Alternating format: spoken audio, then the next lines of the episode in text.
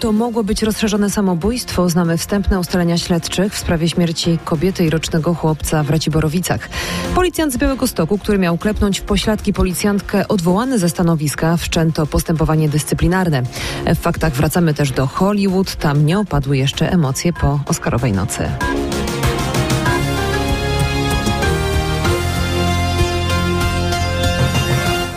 Prokuratura Okręgowa w Jeleniej Górze bada sprawę śmierci 36-latki i rocznego dziecka, których ciała wyłowiono wczoraj z zalanego wyrobiska w miejscowości Raciborowice na Dolnym Śląsku. Ze wstępnych ustaleń śledczych wynika, że mogło dojść do rozszerzonego samobójstwa.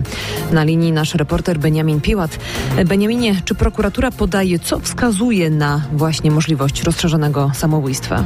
Podkreśla jedynie, że to wstępne ustalenia w trakcie śledztwa wyjaśniane będą dokładne okoliczności śmierci 36-latki oraz jej rocznego synka. Badane mają być też inne powody utonięcia. W nocy z soboty na niedzielę mąż kobiety miał dostać od niej SMS, w którym poinformowała go, że idzie z dzieckiem popływać. Służby otrzymały z kolei wezwanie o ujawnieniu ciał w niedzielę rano. Według nieoficjalnych informacji kobieta prawdopodobnie załamała się po tym, jak u chłopca stwierdzono epilepsję. W środę odbędzie się sekcja ciał kobiety oraz dziecka.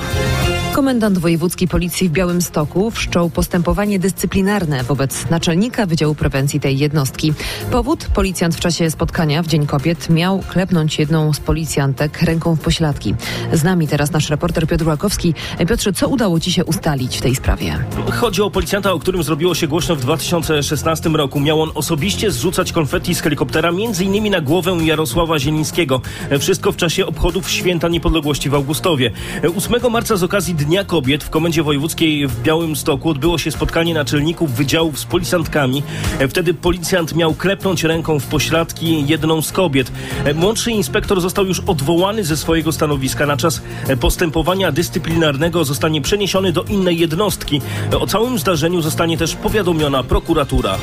Pełnomocnik rządu do spraw osób niepełnosprawnych Paweł Wdówik o 16 spotka się dzisiaj z przedstawicielami protestujących w Sejmie opiekunów osób z niepełnosprawnościami. Ich demonstracja na sejmowych korytarzach rozpoczęła się tydzień temu. W raporcie reporterów RMFFM ze mną Michał Dobrołowicz. Dzień dobry. Michale, a z jaką propozycją na to spotkanie idą protestujący? Z propozycją nowego mechanizmu, który ma zwiększyć rentę socjalną do poziomu minimalnego wynagrodzenia, czyli do kwoty ponad 2700 zł. Spotkanie, jak ustaliłem, odbędzie się w siedzibie Ministerstwa Rodziny. Weźmie w nim udział liderka protestu i posłanka Iwona Hartwich, a także kilkoro opiekunów, którzy na razie protestują jeszcze poza gmachem parlamentu. Pozostała grupa będzie czekać na efekty rozmów wciąż na sejmowym korytarzu. Fakty prosto z Hollywood. Polacy coraz częściej sięgają po Oscarowe nominacje. Nad ranem naszego czasu w Hollywood rozdano statuetki. I choć film I.O. Jerzego Skolimowskiego nie otrzymał najważniejszej filmowej nagrody, to warto podkreślić, że była to kolejna nominacja dla polskiego obrazu w ostatnich latach. Z Sandrą Drzymalską, aktorką z I.O. rozmawiał na ten temat korespondent RMFFM Paweł Żuchowski. Czy to jest tak, że polskie kino jest coraz lepsze? Czy Amerykańska Akademia Filmowa według Pani w końcu otworzyła się także na świat, a nie tylko tutaj na ten hollywoodzki klimat i produkcję hollywoodzką? Myślę, że polskie kino i też europejskie ma się czym pochwalić. Ja lubię to nasze, nasze polskie kino. Ono ma trochę inny klimat. Trzeba też pamiętać o tym, że mamy dużo mniejsze budżety niż Hollywood. I trzymajmy kciuki, żeby częściej polscy artyści mogli przyjeżdżać do Hollywood i e, spacerować po czerwonym dywanie, a jeszcze częściej odbierać Oscary. Życzę tego każdemu. Mówiła Sandra Drzymalska. Przypomnę, największym wygranym jest film Wszystko Wszędzie Naraz. Siedem Oscarów, w tym dla najlepszego obrazu. Z nami Katarzyna Sobiechowska-Szuchta ponownie dzisiaj. Kasiu, opowiadałaś już o filmach tak. laureatek i samej gali, no tak. ale porozmawiajmy teraz o gwiazdach na szampańskim dywanie, no bo dywan nie był czerwony. Był właśnie w kolorze szampana. Holly Berry pojawiła się na nim w bieli z kwiatami przy szyi. Nicole Kidman też z kwiatami, ale w czerni. Salma Hayek wybrała czerwoną, wąską suknię z cekinów, a Ewa Longoria srebrną z bardzo głębokim dekoltem. Rihanna na dywanie pojawiła się w brązowym stroju, podkreślającym mocno jej ciążową figurę, a na występ na scenie, bo śpiewała nominowaną do Oscara piosenkę z drugiej części Czarnej Pantery, przebrała się w czarno-srebrną suknię.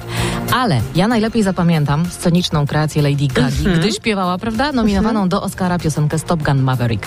Szary t-shirt, dżinsy dziurawe, trampki i zero makijażu. Wyglądała i śpiewała zjawiskowo. A te zjawiskowe kreacje z szampańskiego dywanu możecie ocenić sami. Mamy je na rmf24.pl.